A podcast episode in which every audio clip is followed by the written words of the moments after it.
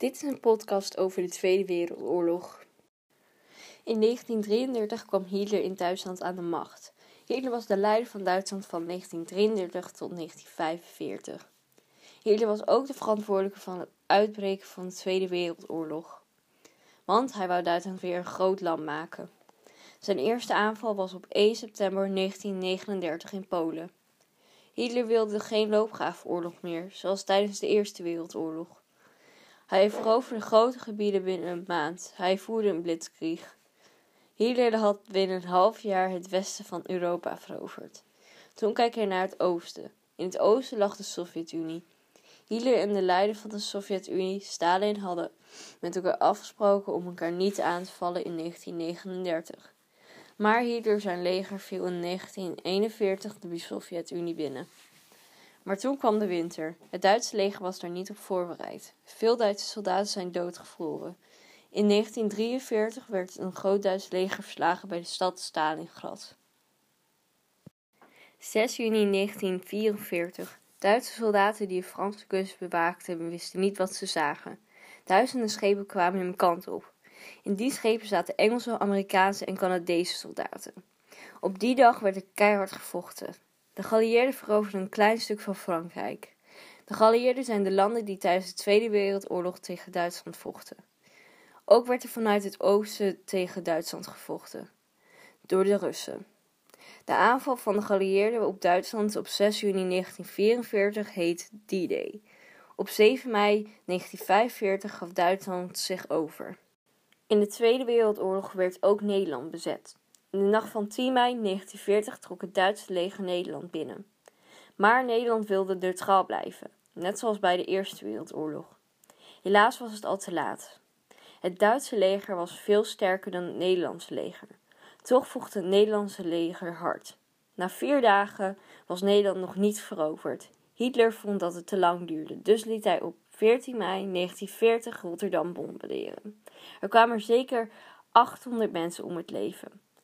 Nederland gaf zich over en vanaf 15 mei 1940 was Nederland bezet door Duitse troepen. In het eerste jaar van de bezetting gedroegen de Duitse soldaten zich meestal vriendelijk. Maar veel Nederlanders vonden toch dat de Duitsers zo snel mogelijk weg moesten. Toch waren er Nederlanders die blij waren met de Duitsers. Die mensen gingen samenwerken met de Duitsers. Ze gingen soms in het Duitse leger en verraden onderduikers. Deze mensen zaten vaak bij de NSB. De leider van de NSB was Anton Mussert. Hij was het eens met de ideeën van Hitler. Er waren ook Nederlanders die in het verzet zaten. Het verzet zijn groepen die tijdens de Tweede Wereldoorlog de Duitsers tegenwerkten. Ze hielpen onderduikers, maakten Duitse spullen kapot en vermoorden zelfs Duitse soldaten en NSB'ers. In de herfst van 1944 werd het zuiden van Nederland bevrijd. Helaas lukte de geallieerden niet om over de grote rivieren te komen. Het grootste deel van Nederland was nog bezet. In de laatste winter van de Tweede Wereldoorlog ontstond er een hongersnood. Die hongersnood was in de grote steden van West-Nederland. Mensen aten van alles: boomschors, aardappelschillen en bloempollen. Deze hongersnood heette hongerswinter. De hongerwinter was de winter van 1944 tot 1945. Er stierven toen zo'n 20.000 mensen van de honger. Op 5 mei 1945 gaf Duitsland zich over in Nederland. Tijdens de Tweede Wereldoorlog hadden de nazi's miljoenen onschuldige mensen vermoord. Van die miljoenen mensen waren de meeste Joodse mensen. Al die mensen werden naar vernietigingskampen gevoerd en vermoord. Dat deden ze met gaskamers, want zo konden ze zoveel mogelijk mensen vermoorden. Holocaust is de gegeven naam voor de massamoord op de 6 miljoen Joden. De Duitsers maakten het leven voor de Joden een hel. In november 1940 werden alle Joodse ambtenaren en leraren ontslagen. Januari 1941 moeten alle Joden zich laten registreren. Zo wisten de Duitsers precies de adressen van de Joden. De Joden kregen een J op hun persoonsbewijs. November 1941. Joden mochten op veel openbare plekken niet meer komen zoals het zwembad, bioscoop of parken. Mei 1942. Joden moesten nu een gele ster op hun kleding dragen, ook wel de Davidster genoemd. Maar waarom deed Hitler dat eigenlijk? Volgens Hitler waren er verschillende mensen. Als je van de Germanen afstamde, was je goed. Dan was je een Ubermensch.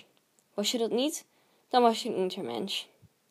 Dat waren vooral zigeuners, homoseksuelen en psychiatrische patiënten. Maar de gevaarlijkste Untermenschen waren volgens de Duitsers de Joden. Na 1941 ontstond er een probleem. In de stukken land dat ze hadden veroverd in de Sovjet-Unie woonden veel Joden. Hitler en andere nazi-leiders hadden besloten om de Joden te doden. Dat deden ze door speciale kampen te bouwen. Die kampen heten concentratiekampen. Concentratiekampen zijn kampen waar burgergevangenen worden opgesloten en in gaskamers worden vermoord. Dit plan is uitgevoerd in 1942. Die noemden ze de Endlösing. Tijdens de Eerste en Tweede Wereldoorlog was er al een oorlog bezig. In 1937 was er een ruzie tussen Japan en China. Deze ruzie werd Gouden Oorlog. De Japanners wonnen deze oorlog. De landen rond de Grote Oceaan werden erg bang voor Japan. Ze stopten met de handel met Japan. De Japanse generaals jaagden alle Amerikanen en Europeanen uit Azië. Japan wou meer land hebben. Ze wouden eigenlijk hetzelfde als Hitler. Japan werd zelfs bondgenoot van Duitsland. In 1941 verwoestten Japanse soldaten een grote Amerikaanse vloot in Pearl Harbor. Dat was een militaire haven in Hawaii. Ook Nederlands-Indië werd bezet door Japan. Nederlanders die daar woonden werden in concentratiekampen gegooid. Op 6 augustus 1945 wordt er een atoombom door de Amerikanen op Hiroshima gegooid. Een aantal dagen later wordt er ook op de stad Nagasaki een atoombom gegooid. Er waren 178.000 doden.